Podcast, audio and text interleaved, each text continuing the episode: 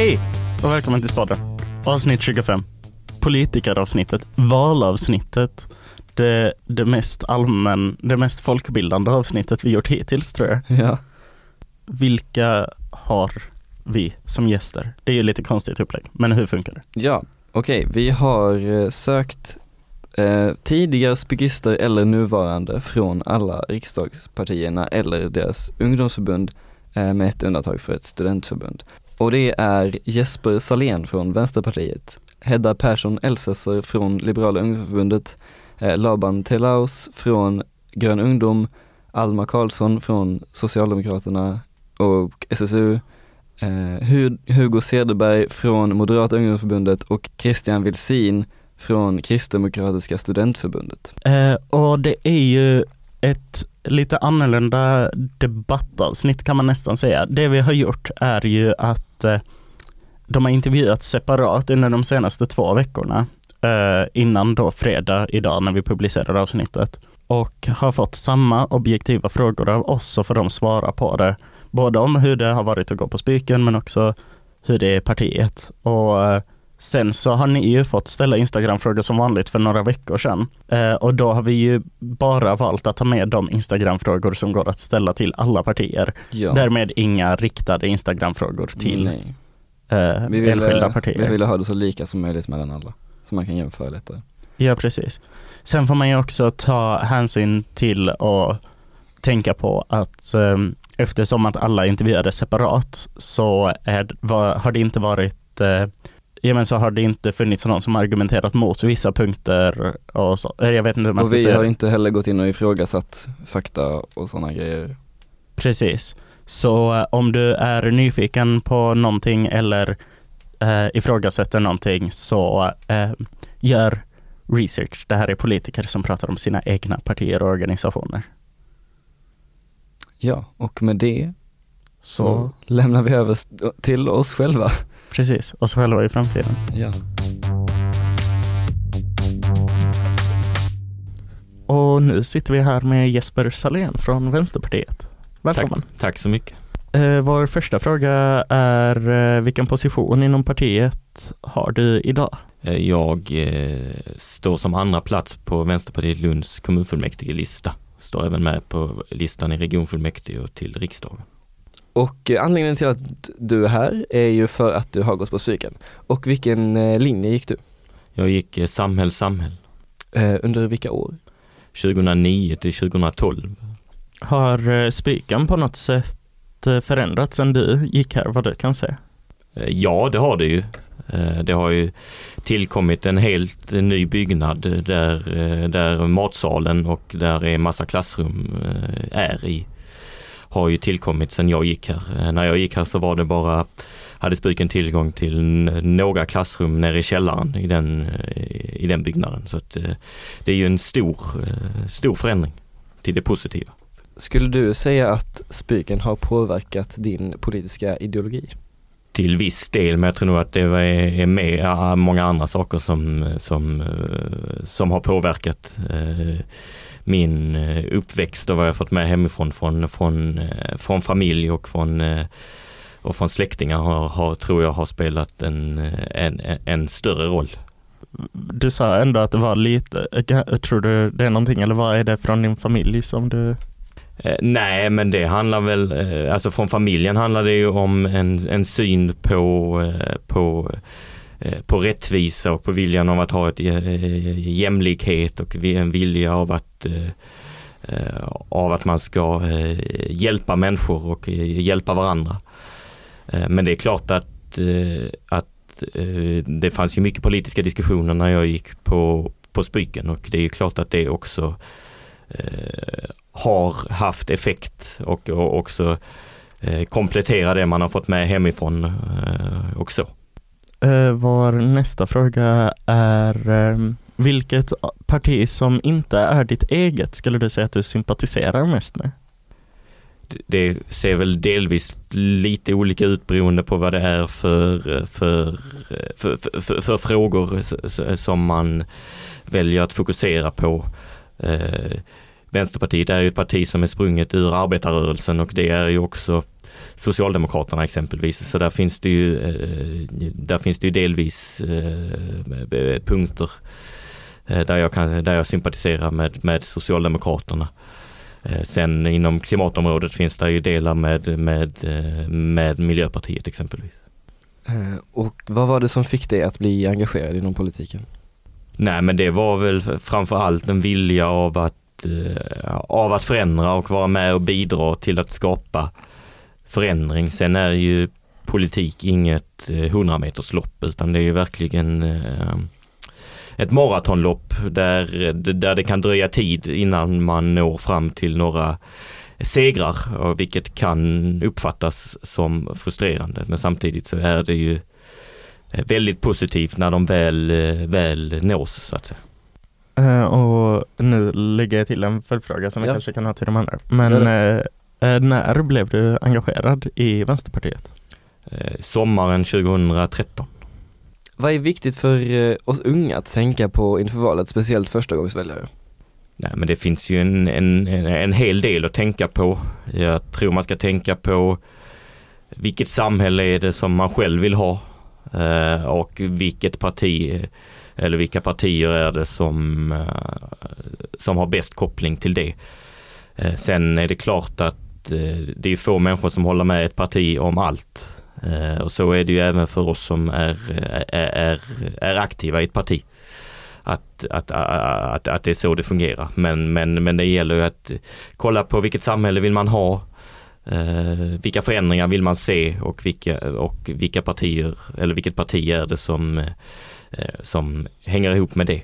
Eh, så där, det skulle jag ju rekommendera. Eh, och jag rekommenderar ju verkligen att eh, ta sig ner till Stortorget eh, och, till valstugorna och där finns det material men framförallt så kan man ju prata med människor från de olika partierna där. Eh, så det är ju, rekommenderar jag starkt att göra. Då går vi över till frågorna vi har fått in på vår Instagram. Ja. Uh, hur mycket påverkan har respektive ungdomsförbund på det riktiga partiet, så då för er del Ung Vänster? Det är ju som så alltså att Vänsterpartiet och Ung Vänster är ju eh, två separata eh, organisationer eh, som fattar, eh, som fattar eh, beslut var för sig. Eh, och så. Däremot så finns det ju såklart eh, annan form eh, av, av, av påverkan. Det är ju som så att eh, Ung Vänster, det finns ju många som är medlemmar i Ung Vänster som även är medlemmar i, i, i Vänsterpartiet och som därigenom har, har inflytande i partiet som vilken medlem som helst. Eh, och det är ju även så att, att, att Vänsterpartiet eh, stödjer Ung Vänsters verksamhet eh, delvis ekonomiskt. Nästa fråga från någon på Instagram är vilken är din hjärtefråga skulle du säga? Jag skulle väl säga att min stora hjärtefråga rör skolan. Eh, jag sitter ju också i, i, i, utbildningsnämnden idag som andre vice ordförande som har hand om bland annat Spyken eh, och Lunds gymnasieskola. Eh, och med anledning till att jag ser utbildningen är ju oerhört viktig för, för alla. Och vi hade ju en gång i tiden världens jämlikaste skola i Sverige och en skola som höll absoluta världsklass. Eh, men med 30 år av nedskärningar och av marknadsskola så har ju det till stora delar slagit sönder. Och vi har fått en skola där dina föräldrars utbildningsbakgrund spelar allt större roll för, eh, för hur det, bra det går i skolan. Eh, och en sådan skola är ju väldigt farlig. Så. Och eh, därför behöver man ju rätta till det. Vi har ju en plan för att sätta stopp för marknadsskolan under nästa mandatperiod. Eh, vi behöver ju då också se till att stärka skolan och sätta stopp för nedskärningskulturen och istället se till att anställa fler lärare, skapa mindre barngrupper i förskolan, skapa mindre klasser eh, och stärka elevhälsan. Den psykiska ohälsan bland unga har ju växt och det får ju både konsekvenser för individer som mår dåligt, eh, men det får ju också konsekvenser för skolresultat. Eh, och också samhällsekonomiskt eh, negativt såklart. Därför är det viktigt att stärka elevhälsan så att den får bättre förutsättningar. Nästa fråga vi har fått in är hur mycket mer radikala är ungdomsförbunden än partierna? Eh, eh, ungdomsförbund är väl eh, oftast mer radikala, åtminstone jämfört med vad som drivs på i parlamentarisk nivå. Däremot så finns det ju alltid människor i partiet som kanske har, har, har också har liknande uppfattningar som ungdomsförbunden kan ha i en viss, en viss fråga. Så. Men jag tycker i grunden att det är något positivt att, att, att, att, att det finns eh, sådana, eh, sådana eh, diskussioner och att det Jag skulle också säga att ungdomsförbunden är väl i viss mån mer ideologiska.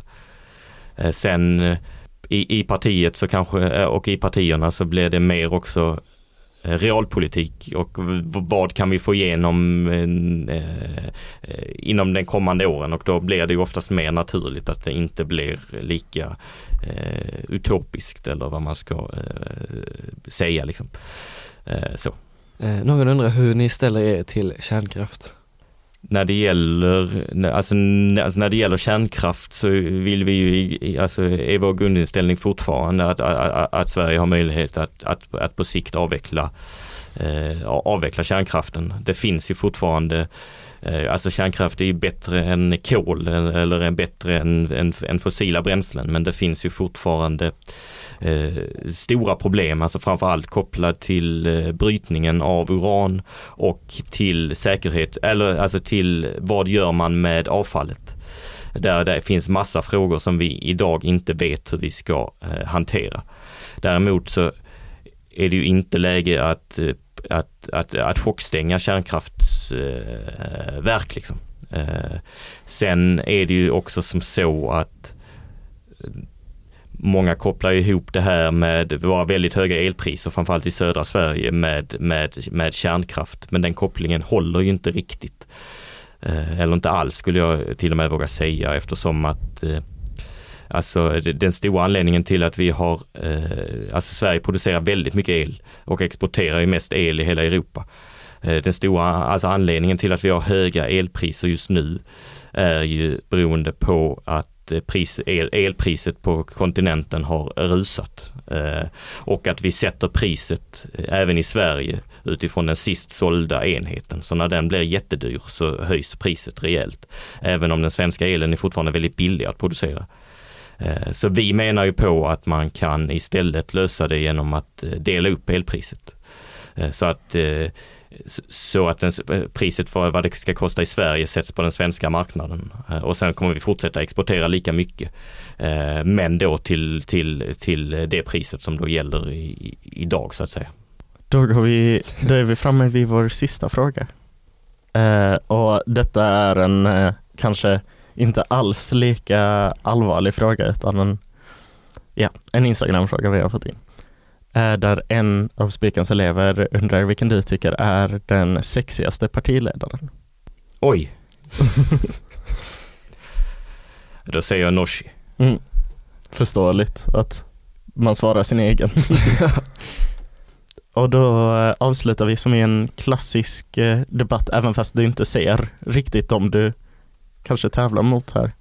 Att eh, du får ge en en minut lång, jag sätter timer, eh, motivation till varför man just ska välja er. Klara, färdiga, gå. Man ska rösta på oss för, i Vänsterpartiet för att vi har svaret på hur vi kan lösa vår tids stora utmaning, klimatomställningen.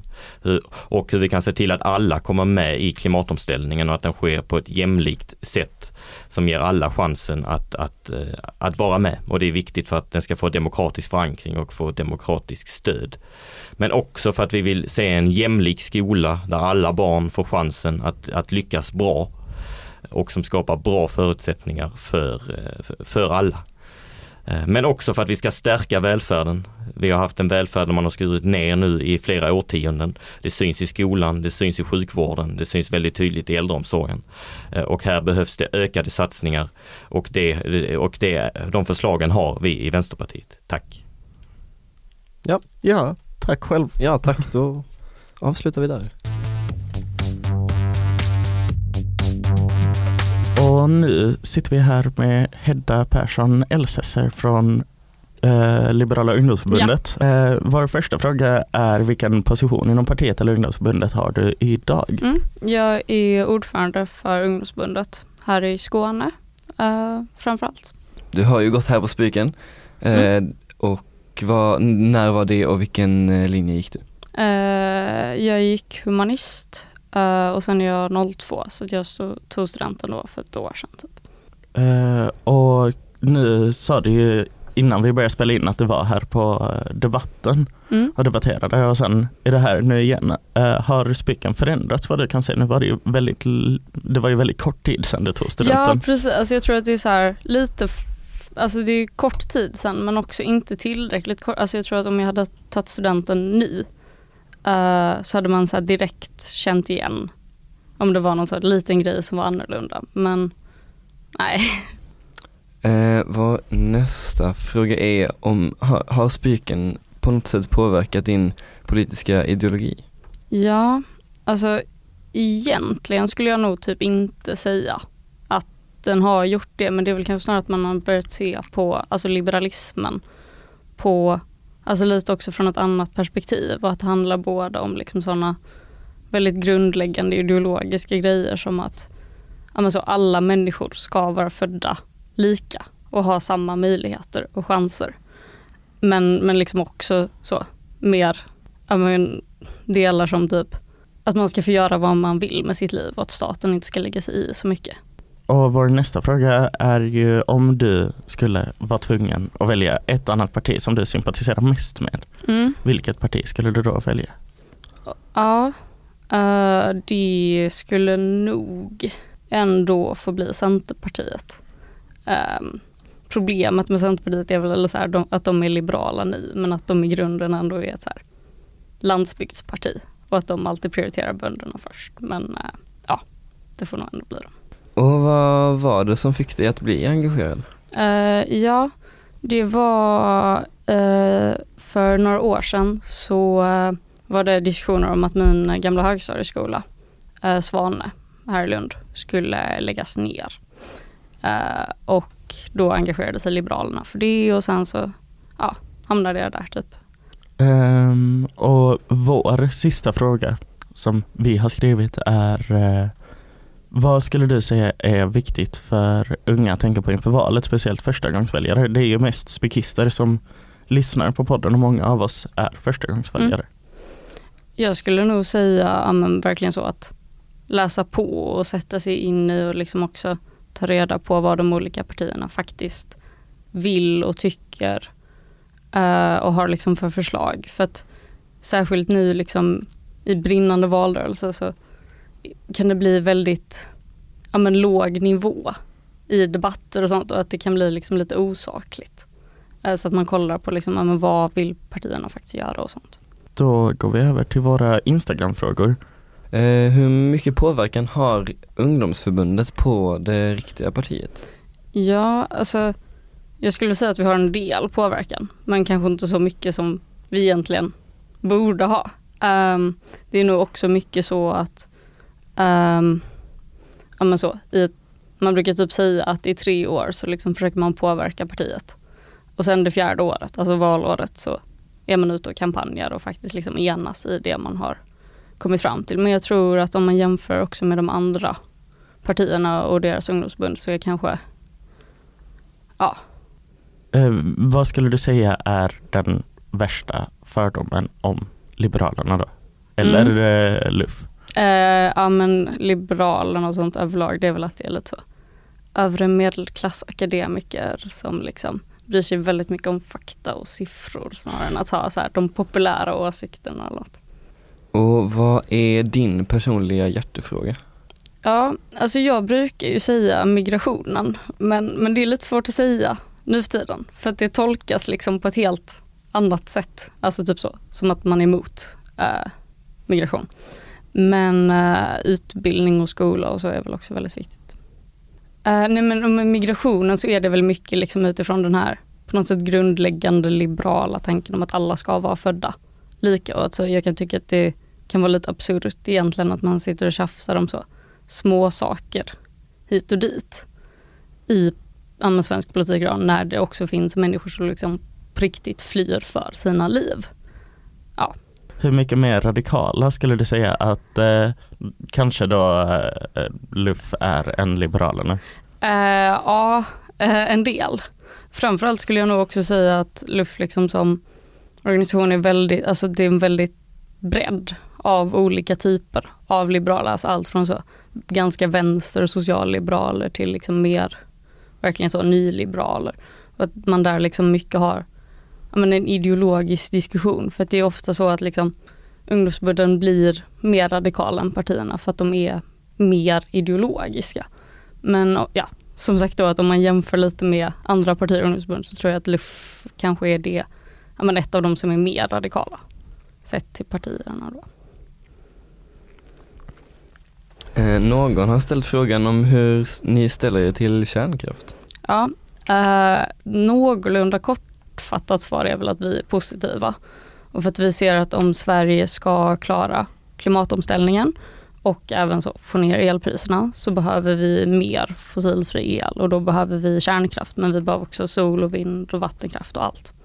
Och vår sista Instagram-fråga här är ju eh, om du skulle behöva välja, vilken är den absolut sexigaste partiledaren? Ja, det var typ nästan den jobbigaste frågan. Uh, ja men typ Ebba Busch är väl, ja, ändå. Det sa SSU också. Ja, ja det känns som att uh, det är nog många som säger det. Då sätter jag min lilla mobiltimer här. På fem sekunder? Ja, på, på fem sekunder? Nej, på nej, en nej. minut. Jag råkade skriva in fel. Ja, du får fem sekunder uttrycka. Nej. Uh, nej men en minut varför man ska rösta på Liberalerna. Klara mm. för det, kör. Hade det varit på fem sekunder hade jag bara sagt frihet. Men det lite längre svaret är för att jag tror att du är bättre på att bestämma över ditt liv än jag eller så här, andra politiker är. Och att liksom så, för att alla människor oavsett var, vem man är eller var man, var man själv eller ens föräldrar kommer ifrån eller vem man älskar eller var man bor. Att alla ska ha samma möjligheter och friheter. Det var nog den kortaste minuten vi har haft hittills. ja. men, eh, men då får vi tacka så jättemycket ja. för att du ville vara med. Tack. Ja, tack själva. Och nu sitter vi nästan här med eh, Alma Karlsson från SSU och Socialdemokraterna. Är det båda eller bara SSU? Båda måste jag nog tyvärr erkänna. Ja. det är Lite jobbigt för åldersnojan, men båda. Och eh, anledningen att jag sa nästan är ju för att du är med via eh, Zoom från Stockholm. Eh, Precis. Då börjar vi med vår första fråga. Vilken position inom partiet eller, eller och då ungdomsförbundet har du idag?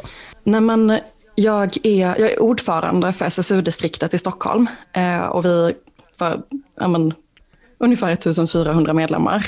Eh, och den rollen gör att man också är inadjungerad, alltså att man får sitta med på möten men inte rösta eh, i, för partistyrelsen eh, i, för Socialdemokraterna i Stockholm. Så det är det just nu. Men sen står jag på lite, eller så, så kandiderar jag till kommunfullmäktige och riksdagen i Stockholm. Och anledningen till att du är med här är för att du har gått på Spiken. Vilka ja. år gjorde du det och vad gick du för linje? Men jag tror att jag började 2013, eh, hösten där, och så tog jag studenten 2016. Eh, jag tror att vi på min, visst heter era klasser så eh, 21 SA någonting någonting? mm. nu för tiden. Ja, Eller, ja typ SA 20D. Ja, för att vi hette bara SA 3D. Okay. Eh, men, eh, så att, jag, men jag läste sambeteende eh, och med någon slags engelsk profil. Jag vet inte om den finns kvar, men kul var det. Det gör den, jag går Jag fick något litet diplom på skolavslutningen för att jag läste alla engelska kurser som det fanns. ja, kul för mig var det. Nu är du ju inte här, men eh, känner du på något sätt att Spiken kanske har förändrats sedan du gick här? Men jag har ju inte riktigt varit där sen, på, eller på väldigt lång tid. Eh, men eh, det som jag... En grej som jag är genuint besviken över är att jag förstått det på min lillebror som är elev just nu, eh, att, eh, att, att min hand som vi, satte, som vi målade på väggen i eh, trapphuset, att de är övermålade nu. Så det är jag väldigt besviken över. Och den nya matsalen. Jag vet inte om ni vet, vet detta, men den invigdes alltså på hösten 2016 och jag tog studenten på våren 2016. Så att jag missade precis den nya matsalen. Så att när jag gick där fanns det bara en rätt att välja mellan och Eh, det var högljutt och jobbigt och fick aldrig plats. Vart låg Så matsalen? väldigt, väldigt besviken. Vart låg matsalen innan? Den låg, eh, alltså i, man, man, kunde, man hade utsikt över, eh, alltså mot kyrkogården till. Så liksom på framsidan mot, ja, mot kyrkogården till. Teatersalen och eh, det där lilla torget som det är nu. Ja, som de har byggt istället kul. Um, ja, just Borde nästan komma tillbaka och kolla hur det ser ut. Det känns nästan lite snuvad på den upplevelsen. ja, jag tänkte också på det där med händerna, det är ju jättesorgligt. Det var så fint med alla händer från 2012. Ja, jag fattar fortfarande inte varför de mm. mådde över. Nej, kanske borde hitta den ansvariga och intervjua den. Ja, det borde vi göra. jag är beredd att komma tillbaka och sätta mitt handavtryck i trappuppgången ifall jag får chansen. eh, har spiken påverkat din politiska ideologi på något sätt?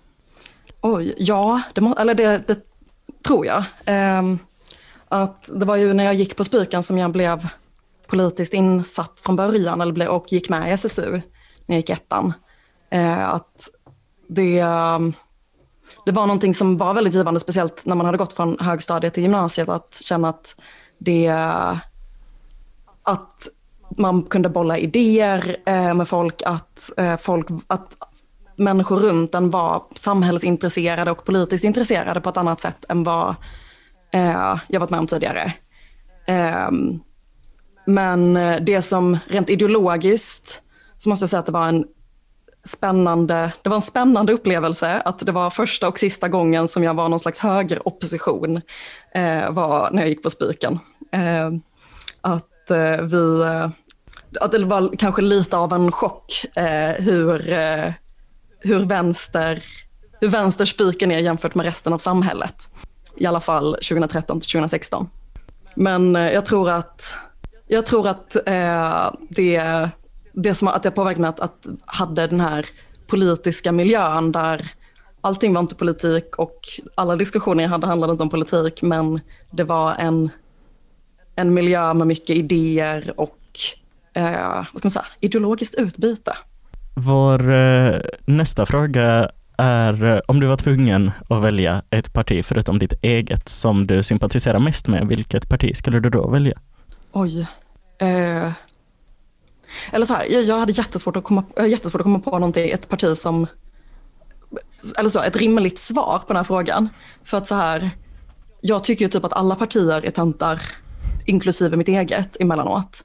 Um, och tror att ja, men så här, jag kanske jag skulle nog, men, jag vet inte, jag, jag, kan, jag kan med alla partier på den rödgröna sidan kan jag se en vits med. Eh, men till exempel skulle jag nog aldrig få för mig att rösta på Miljöpartiet i Stockholm, men kanske på riksplan. Eh, så att så, jag eh, har liksom en sympati för många andra partier på ett professionellt plan, men tycker att alla nog är, alla är töntar på sitt sätt, är mitt diplomatiska svar. Och vad var det som fick dig att bli engagerad från början? Det är lite tudelat. Eh, men jag, har sagt att jag gick med när jag gick, i, när jag gick ettan. Och jag tror att det var liksom en blandning av att jag var att, att jag liksom var arg på det mesta som hände i samhället. Att det var där någon gång jag fick någon slags feministiskt uppvaknande av Spikens feministgrupp. Det var väldigt bidragande i det. Eh, och att eh, det, det kändes onödigt att vara arg utan att göra någonting med det. Eh, att gå runt och vara arg över hur saker liksom ligger till och sen bara sitta på sin kammare och eh, men, men, och inte göra någonting, någonting åt det man är arg på.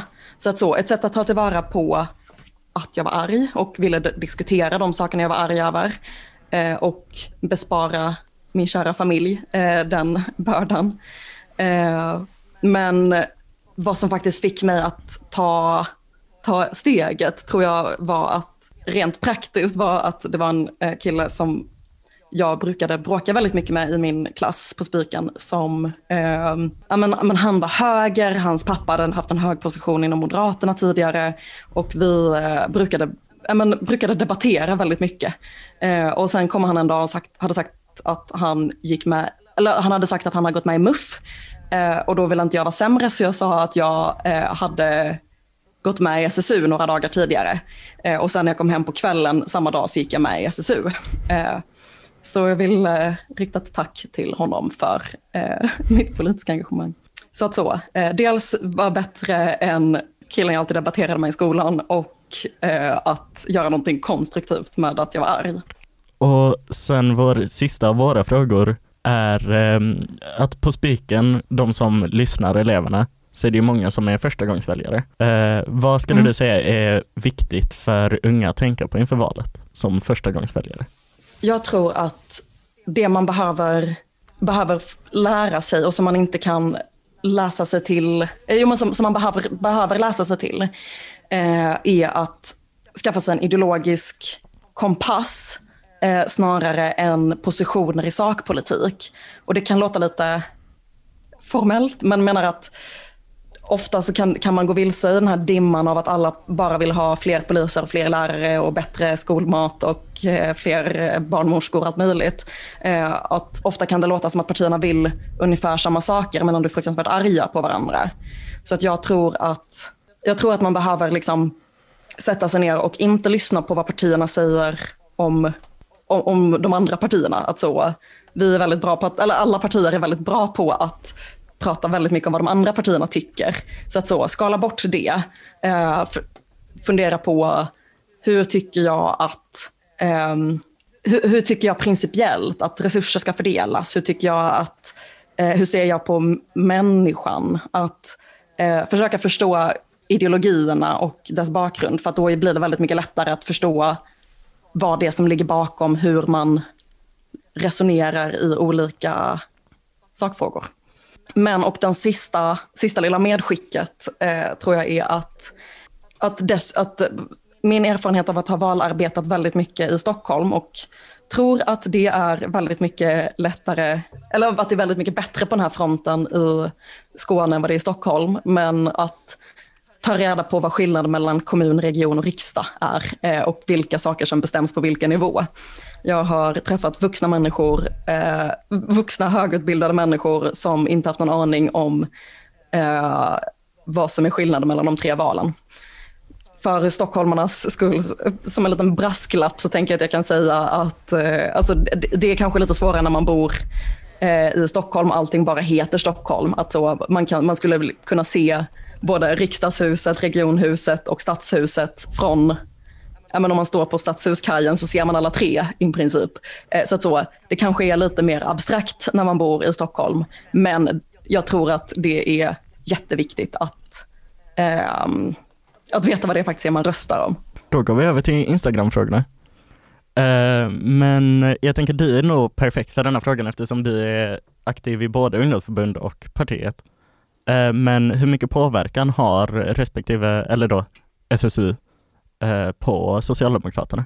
Väldigt mycket skulle jag säga. Ehm, jag, jag tror väl att vi ehm, vi, att vi, vi påverkar både genom faktisk representation, att till exempel, som jag sa i början, att jag sitter inadjungerad i styrelsen för Socialdemokraterna i Stockholm. Vår förbundsordförande Lisa Nåbo är inadjungerad i verkställande utskottet i partiet. Ehm, och dessutom så är vi många SSU-are som, som, som, till, som eh, sitter på eget mandat i många i parlament och i eh, olika styrelser. Eh, så dels genom vår faktiska representation eh, och att vi, när, om SSU driver en kandidat någonstans, eh, till exempel, så även efter att jag avgår, eh, så kommer jag säkert få en liten kommer jag få medskick från SSU eh, när jag sitter i kommunfullmäktige till exempel. Eh, om jag kommer in och så vidare. Och så vidare. Men eh, rep i representationen närvaro, men, men sen är det också att vi mobiliserar medlemmar till till exempel ja, men beslutsfattande möten om eh, vår valplattform eller vår eh, sakpolitiska program och sådär. Så att i Stockholm till exempel så har vi fått igenom eh, en sommarjobbsgaranti för alla som går på gymnasiet eh, och vi har fått igenom att eh, man på sikt ska verka för avgiftsfri kollektivtrafik eh, i Region Stockholm. Så lite sånt. Um, vilken är den värsta fördomen om ditt parti? Oh, många tror jag. Um, jag tror att det skulle vara att vi bara gör det för makt och pengar, att det är därför man är sosse. Um, och sådär, jag har ett heltidsjobb i partiet just nu och jag uh, står på en bra plats till kommunen, så att jag menar, vet inte om det är falskt. Skojar. Eh, nej, men jag tror, jag, tror att, jag tror att det handlar lite om vår maktfullkomlighet. Eh, det, det får stå för dem, tänker jag. Då, vår nästa Instagram-fråga vi har fått in är vad din hjärtefråga, jag tänker om du ska välja en, vad skulle du säga Mm. att din hjärtefråga är? Nu kommer jag att låta som livets absolut tråkigaste person. Eh, men eh, mina, mitt så favoritområde i politiken är arbetsmarknad. Och jag tror att min hjärtefråga är att eh, sänka ungas etableringsålder. Eh, alltså den åldern man förväntas ha, eller den, den eh, genomsnittliga åldern för när man har eh, ett fast jobb eh, och en, eh, ett stabilt bo, en stabil boendesituation. För den är väldigt hög i Stockholm. Hur mycket mer radikala skulle du säga att ungdomsförbundet är jämfört med partiet? Nej, men jag tror att man kan, inte nödvändigtvis, eh, men jag tror att man kanske ser det på lite olika sätt för att så, vårt parti behöver, eller liksom Socialdemokraterna behöver ta hänsyn till samarbetspartier, till budgetunderlag, eh, till eh, en medial verklighet på ett annat sätt. Så att jag skulle nog säga att vi är mer, vi säger mer som det är kanske.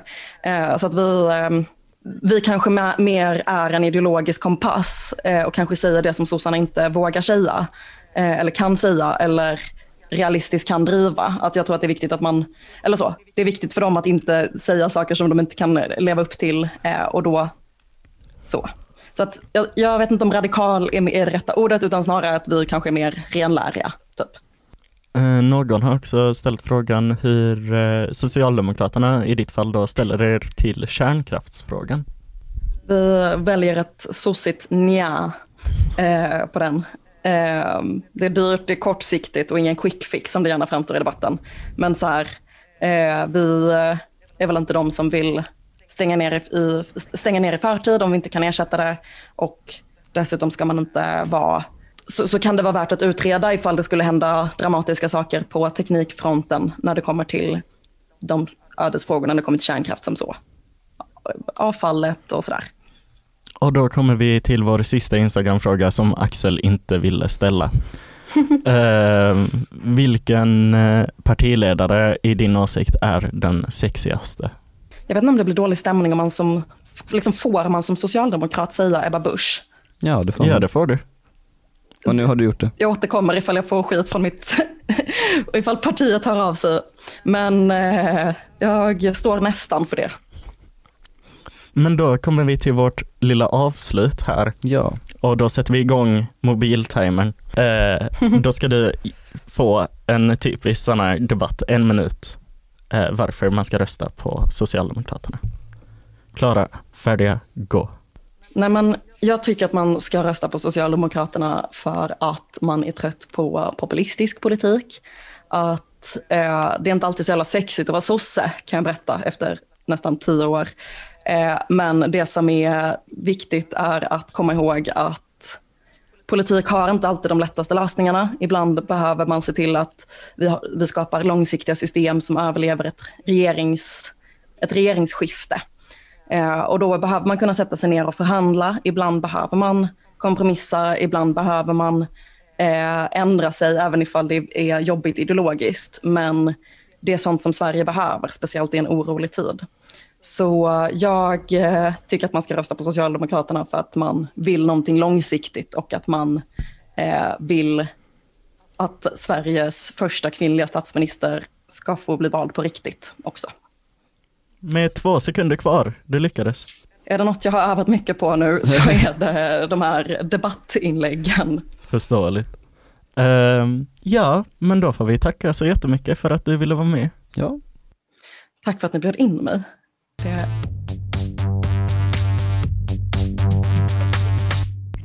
Och nu sitter vi här med Christian Wilsin Ja. och du är från Kristdemokratiska studentförbundet. ja, det stämmer bra. Vilken position inom eh, förbundet har du idag? Eh, Just nu så är jag vice ordförande för eh, det regionala här i Skåne. Så att jag är vice ordförande för Kristdemokratiska studentförbundet i Skåne. Så jag utgör då presidium med min kompanjon helt enkelt. Du har ju gått Herrosbyken för inte så länge sedan. Eh, vad gick du för linje och eh, för eh, tydlighetens skull, när gick du här? Jag gick här mellan eh, 2019 och 2022 eh, och då gick jag eh, natur-natur med musik också. Nu tog du studenten som sagt i somras, Mm. men eh, kan du se på något sätt kanske att spiken har förändrats? Jag ska vara ärlig och säga att det här var första gången som jag var på Spiken sedan jag tog studenten så att eh, jag hann ju inte se så det jättemycket men det verkar som att Spiken är som det brukar vara. Skönt att höra. Skulle du på något sätt säga att Spiken har påverkat din politiska ideologi?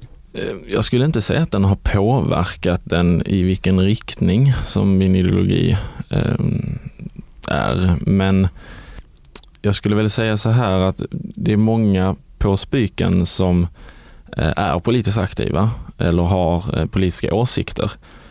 Så att då har man ju såklart diskuterat många politiska frågor med, med olika personer och, och det har ju såklart utmanat ens ideologiska och politiska ehm, tankegång för sig själv. Liksom. Men förändrat den har den inte. Utmanats möjligtvis. Ehm, men, men jag har nog snarare kanske sedimenterats i min egen ideologi av de samtalet än att kanske eh, lockas över till någon annan ideologi.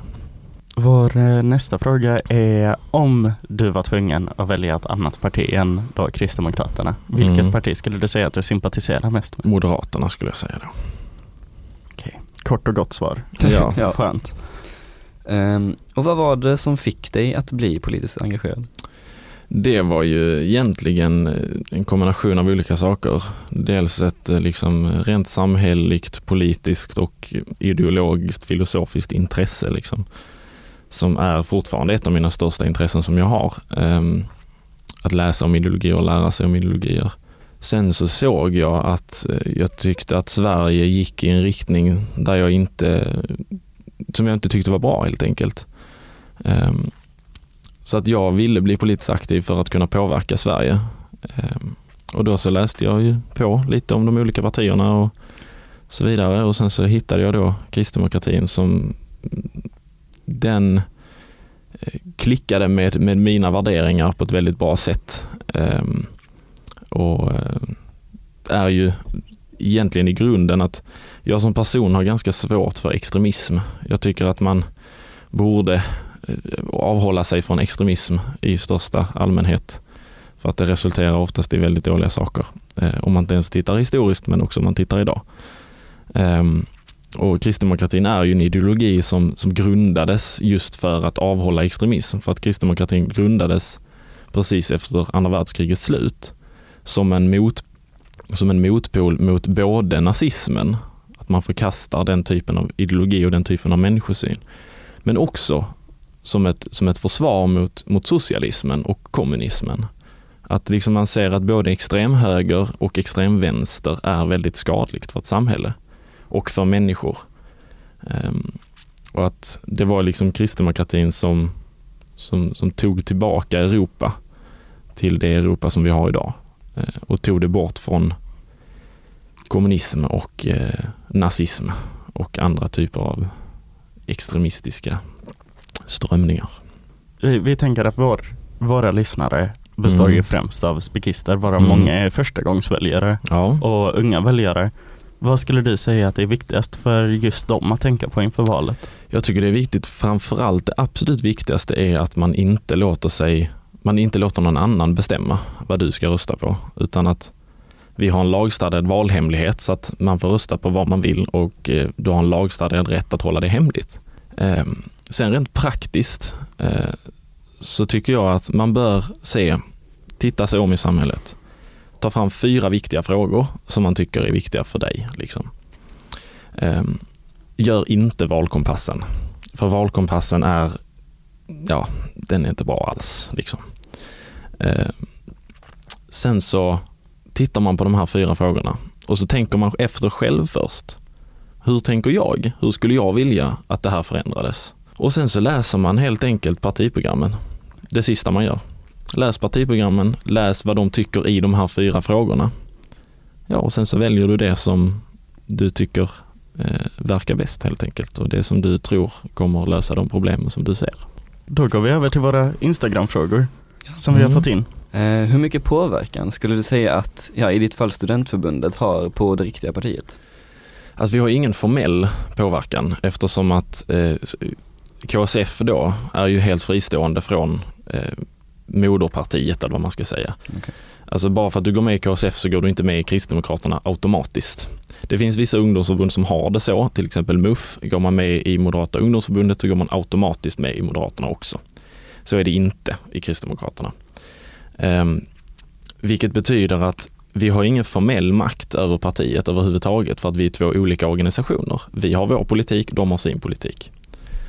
Eh, men sen är ju politiken väldigt lika eh, och de absolut flesta som är med i KSF är ju också med i Kristdemokraterna. Så att jag menar, jag är ju aktiv i både KSF och Kristdemokraterna.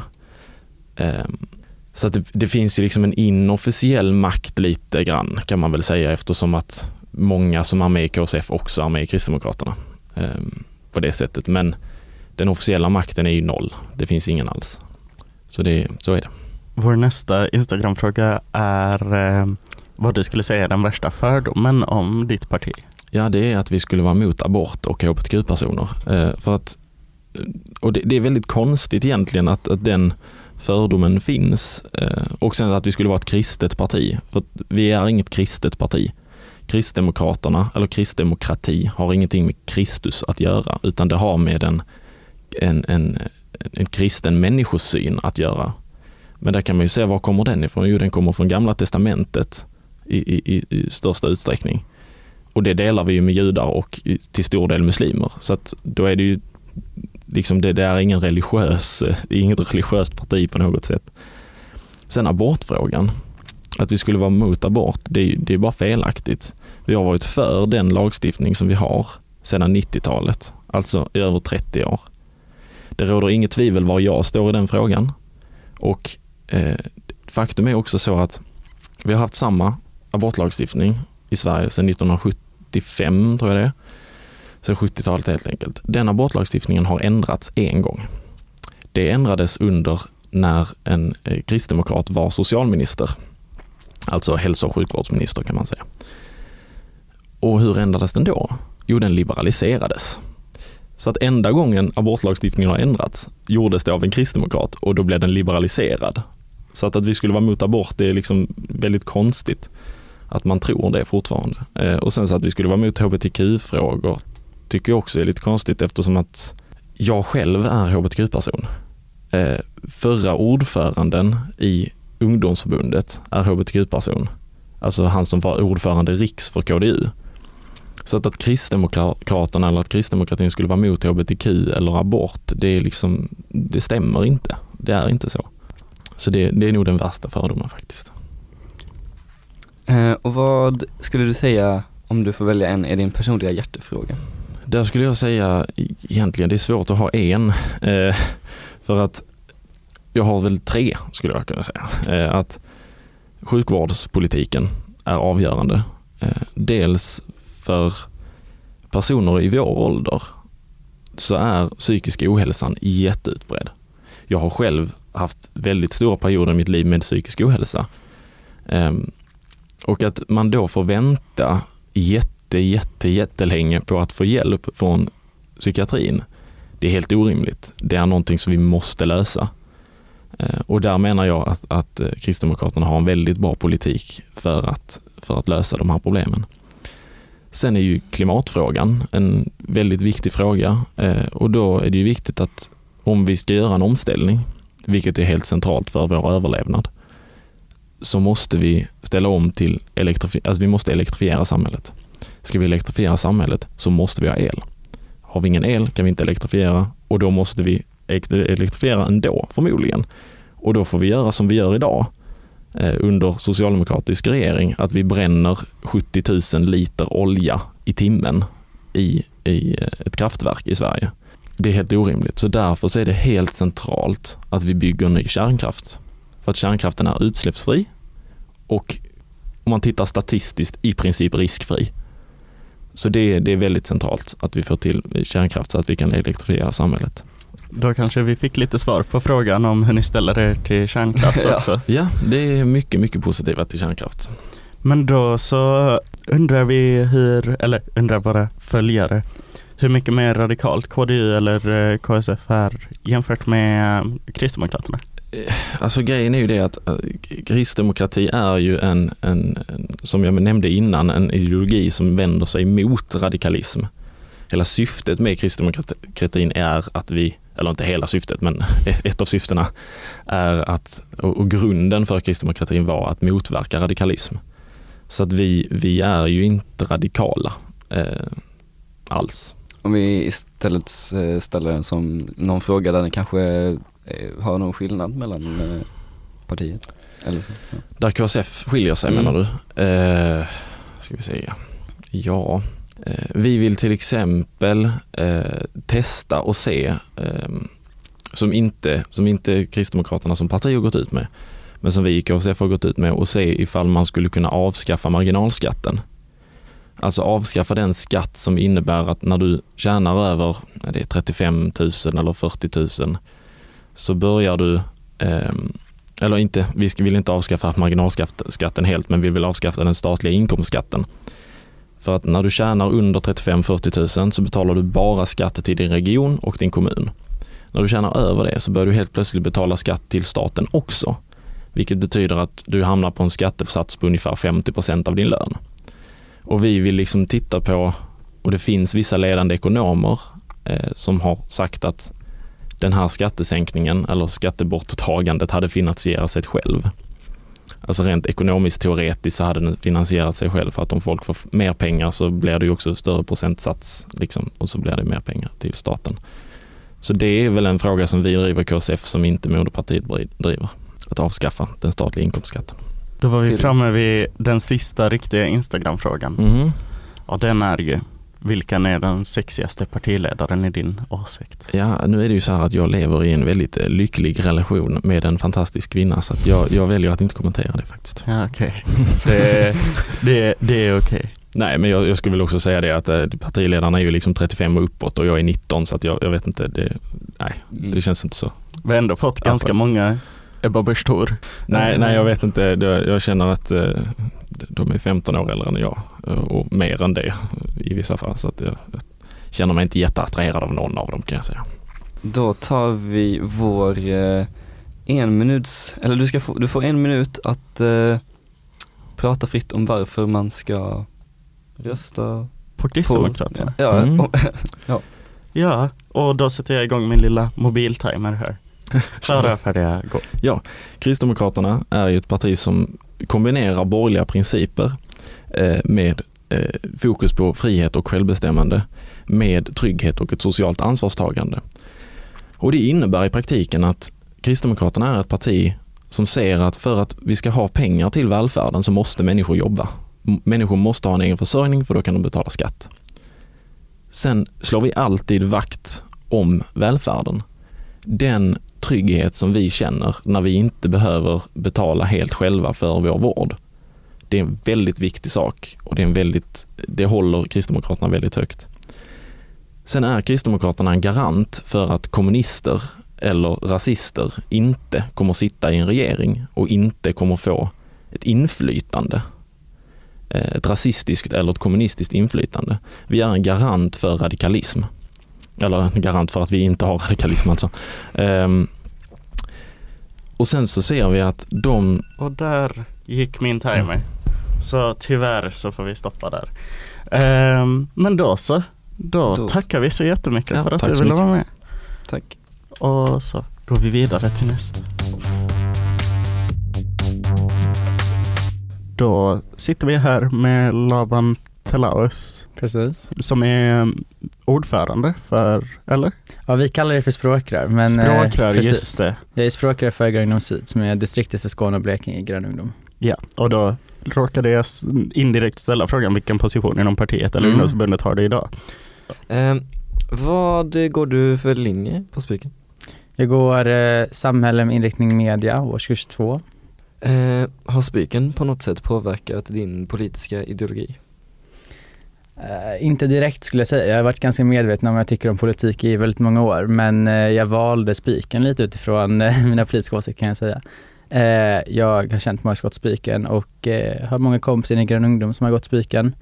Eh, så jag har alltid vetat lite vad det är för en typ av umgänge och folk som går här. Eh, men eh, ja, jag skulle säga att det är en väldigt härlig skola i övrigt så.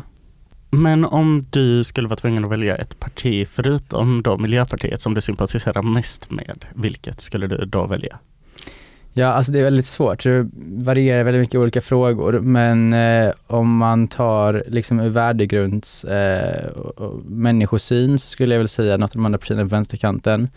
Eh, även Centerpartiet skulle jag kunna tänka mig för de har en, en bättre migrationspolitik än många andra partier har.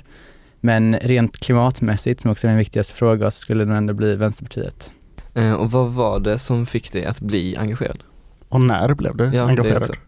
Ja, jag gick med i Grön Ungdom år 2019. Eh, då var det EU-val i Sverige och eh, eh vårt toppnamn Alice Bakunke eh, drev mig in till att gå med i Miljöpartiet just och eh, Grön Ungdom. Hon är väldigt duktig på att fånga in människor. Jag träffade henne senast igår.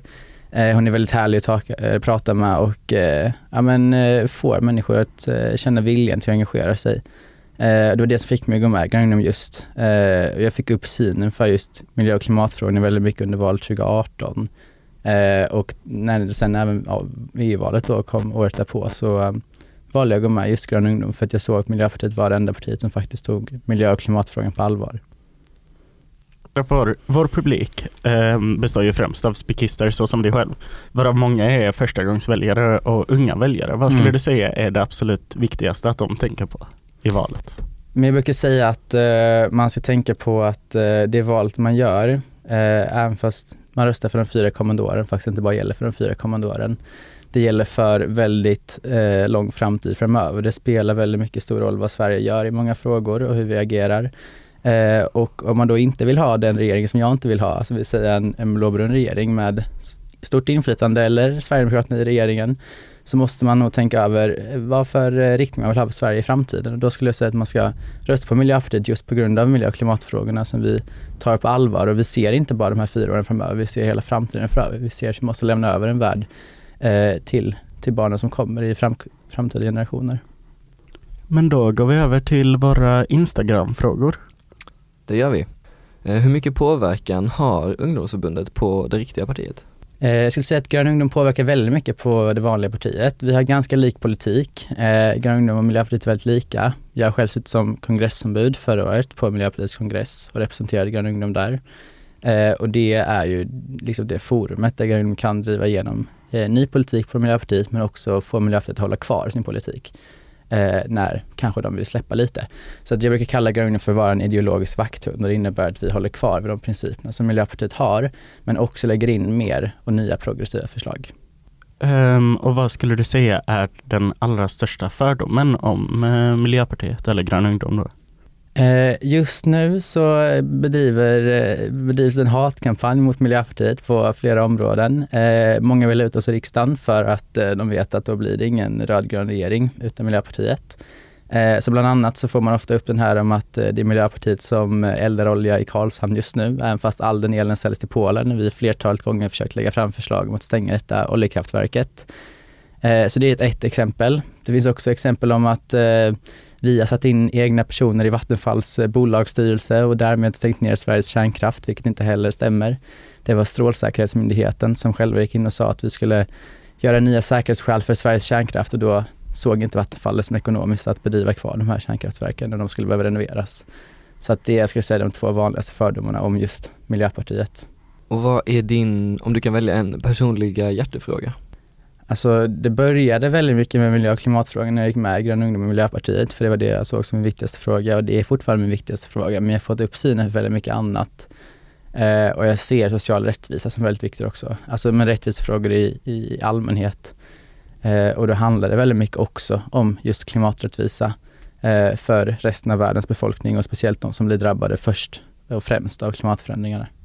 Um, och någon undrar hur mycket mer radikala, eller ja men hur mycket mer radikala är Grön Ungdom än Miljöpartiet i ditt fall då? Eh, alltså inte speciellt jättemycket mer radikala skulle jag säga. Det är klart att vi kan vara lite hårdare i vissa frågor, eh, bland annat migrationsfrågan kan vi vara pådrivande på. Eh, och eh, men en del eh, klimatförslag som har gått igenom och blivit miljöpartistisk politik har vi också drivit en lite mer progressiv syn på. Liksom. Eh, men i mångt och mycket skulle jag säga att vi har ganska lik politik. Ja, för Miljöpartiet är ett väldigt, eh, eller ett parti som är väldigt mycket framåt så i, i övrigt. Eh, och någon annan undrar hur ni ställer er till kärnkraft? Ja, alltså vi har sagt så här, vi följer den, eh, den folkomröstningen som var på 80-talet som säger att Sverige ska fasa ut sin kärnkraft fram till 2040. Och vi tror att det är möjligt för att eh, vi ska kunna ersätta kärnkraft med någonting annat i framtiden. Eh, och om vi kollar på vad företagen vill idag så är det inte att investera i kärnkraft utan de vill investera i bland annat havsbaserad vindkraft. Eh, om vi ska bygga kärnkraft i Sverige, vilket också det finns en öppen marknad för att göra idag, eh, så ska företagen lägga in eh, alltså egna förslag då på vad de vill bygga. Det har ingen gjort under de här senaste åren, utan de väntar på att staten ska gå in med investeringar. Eh, och då krävs det att staten tar skattepengar för att det ska byggas kärnkraft i Sverige. Och det är det Miljöpartiet säger nej till för att vi ser att idag så finns det många företag som vill bygga havsbaserad vindkraft. Vi har jättemånga eh, företag som har sökt här i Skåne bland annat och eh, här har Moderaterna i mångt och mycket eh, röstat nej till det flertalet gånger trots att eh, vi skulle kunna producera ungefär halva Sveriges elförbrukning idag av havsbaserad vindkraft om inte högerpartierna hade sagt nej till det varenda gång det kom upp på bordet. Vår avslutande Instagram-fråga är betydligt mindre allvarlig. Eh, och den är eh, vilken du skulle säga är den absolut sexigaste partiledaren? Eh, ja, Eller alltså, två då kanske i ditt fall om du ska följa moderpartiets regler. Den frågan har kommit upp väldigt mycket det här valåret, också på TikTok. Jag vet inte riktigt varför den har kommit upp, men ja, det brukar ju vara många som säger Ebba Busch, men jag gillar varken Ebba Busch eller Kristdemokraterna. Eh, men jag tycker, jag träffade Magdalena Andersson, hon är väldigt härlig. Marta Stenevi är också väldigt härlig, men jag tänker inte uttala mig vem av partiledarna som är snyggast faktiskt. Som avslutande punkt så ska du få en minut att eh, förklara varför man ska rösta på Miljöpartiet. Jag sätter min mobiltimer här. Ja. Klara för det, kör. Jag är 17 år gammal och jag känner hopplöshet och eh, en märklig framtidstro. För att de senaste åren har vi sett hur politikerna inte tar klimatkrisen på allvar. Idag har vi ett läge i svensk politik där alla andra sju svenska riksdagspartier vill gå ihop och fortsätta med fossila subventioner. Och bara det senaste året har man lagt 30 miljarder kronor på just fossila subventioner. Och vi vet att om vi någon gång ska ställa om så måste vi börja med det här och nu. Vi måste göra det billigare att göra rätt klimatsmart. Vi måste göra det dyrare att göra det som är fel och släpper ut. Men i Sverige måste vi ha det billigt att göra det som är klimatsmart för att vi ska klara omställningen. Och sen är jag också riktigt rädd över att Sverigedemokraterna växer fram och deras inflytande i svensk politik. Vi ser hur högerpartierna de senaste åren har normaliserat Sverigedemokraternas nazistiska och rasistiska parti alldeles för mycket. Och det tar vi starkt avstånd ifrån. Så om du vill ha en rödgrön regering med Miljöpartiet, då ska du rösta på oss också. För att utan Miljöpartiet, då blir det en blåbrun regering. Tack. Wow, det var en, en sekund och kvar. Ja, Ja. det var Mm. lyckat. Ja, Imponerande. Då får vi tacka så jättemycket för att du ville vara med. Tack detsamma. och nu sitter vi här med Hugo Cederberg från eh, Moderata ungdomsförbundet. Välkommen. Tack. Eh, vår första fråga är eh, vilken position inom då ungdomsförbundet du har idag? Eh, ja, delvis är jag ju medlem, eh, men sen sitter jag både i MSU-kommittén eh, i Skåne, så MSU Skåne och MSU-styrelsen här i Lund, ledamöter båda. Och MSU står ju då för Moderat skolungdom, eh, så det är en liten undergrupp till MUF. Eh, och Vad går du för linje här på Spiken? Samhällsbeteende går jag. I vilken, vilket år? Eh, andra året nu. Så det är med individuella val nu också så. Eh, skulle du säga att Spiken har påverkat din politiska ideologi på något sätt? Um, nej, jag var ganska trygg i, i min politiska ideologi innan. Jag gick med innan, eh, jag gick med i MUF innan jag började Spiken.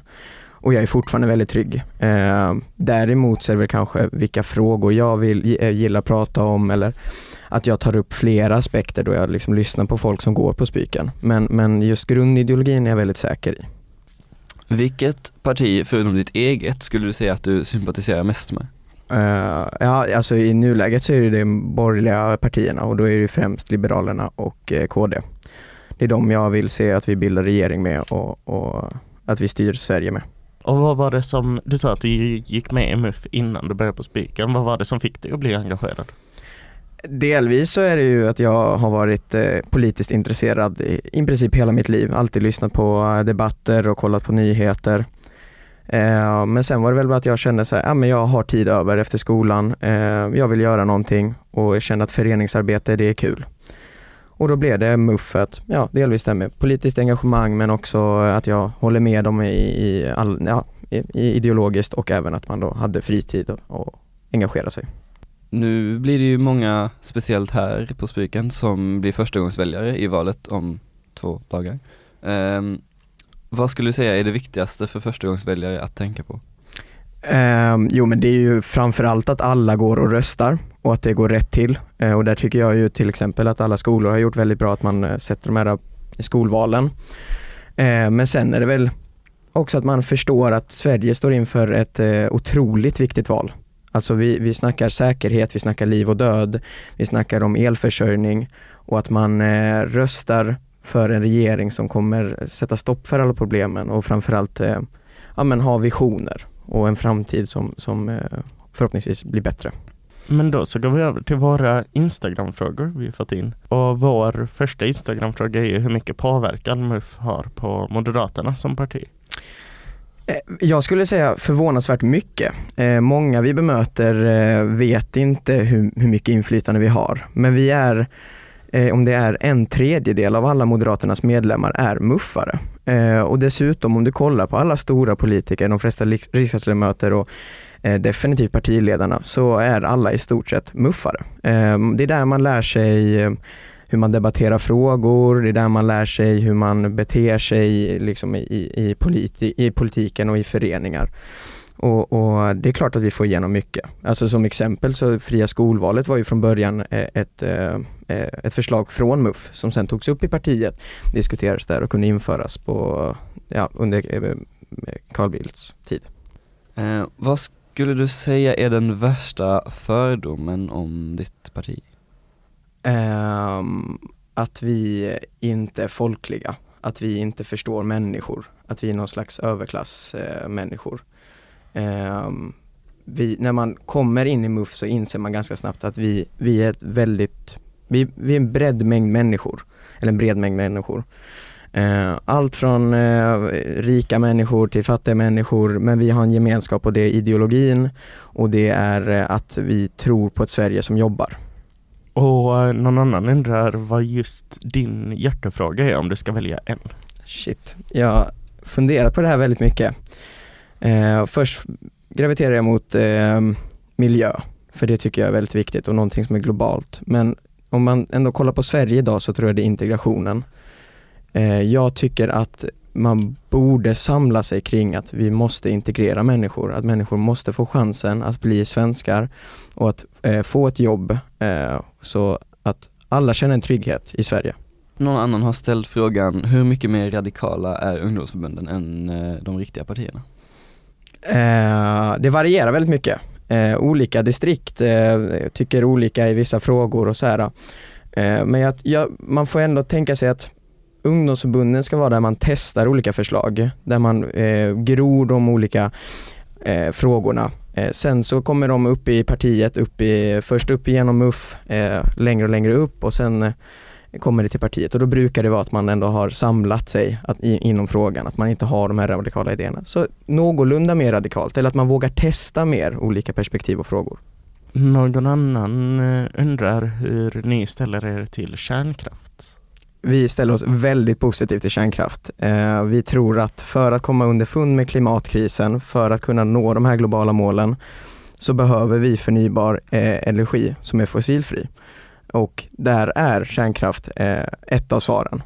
Sen tycker jag inte man ska titta ifrån vindkraft eller solenergi, men kärnkraft är tillpålitligt, det är säkert och vi behöver det. Eh, vår sista Instagram-fråga lyder, eh, vilken är den absolut sexigaste partiledaren? Eh, jo, men det, det måste ju vara Ulf Kristersson. Eh, han är kanske inte så lång eh, som vissa andra partiledare, men eh, gud vad hans vader är snygga. Och jag har sett honom springa upp och ner för trappor och det är någonting eh, jag gärna hade sett igen. Då, Och med det så eh, ska du få en minut att förklara varför man ska rösta på Moderaterna. jag sätter igång mobiltimern här. Nej. För, det jag kör. Nej men det är eh, för att Moderaterna är det statsbärande partiet idag som eh, har hela svaren. Eh, Vi tror både på förebyggande åtgärder men också på eh, repressiva åtgärder. Eh, Vi är de som såg problemen innan de kom, inte efteråt. Eh, Och vi kommer lösa problemen. Det är därför. Det är, nu slog vi nog faktiskt Lufs kortaste minut hittills. Shit, ja men, ja, men Den det, var inte lite över 20 sekunder lång minuter. Men det verkar ju ha räckt. Ja det verkar ha räckt. Ja. Men tack Och- så jättemycket för tack att ville själv, vara tack. med. Vad kul. Tack för att ni har lyssnat på det här långa avsnittet. Ja tack till alla nuvarande politiker och detta spikister eller nuvarande spikister som vi fått intervjua. Eh, Vi tänkte kanske också säga att eh, om ni nu ska rösta, kom ihåg, gör mer research än bara detta avsnittet. Basera inte allt på detta. Men, eh, men jag tänkte att, en, eller vi tänkte ju att det här kanske ändå är ett bra sätt att hjälpa till lite och klargöra. Ja, nästa vecka är vi tillbaka med ett lite mer normalt avsnitt. Det är vi. Inga spoilers än. Men eh, så länge, följ oss på Instagram, spodden.podcast, det gör ni säkert redan. Följ oss också på Spotify eller Podcaster, var ni nu lyssnar på Spodden. Ni kan också mejla oss på spodden.spyken gmail.com och få ert mejl uppläst. Hej då!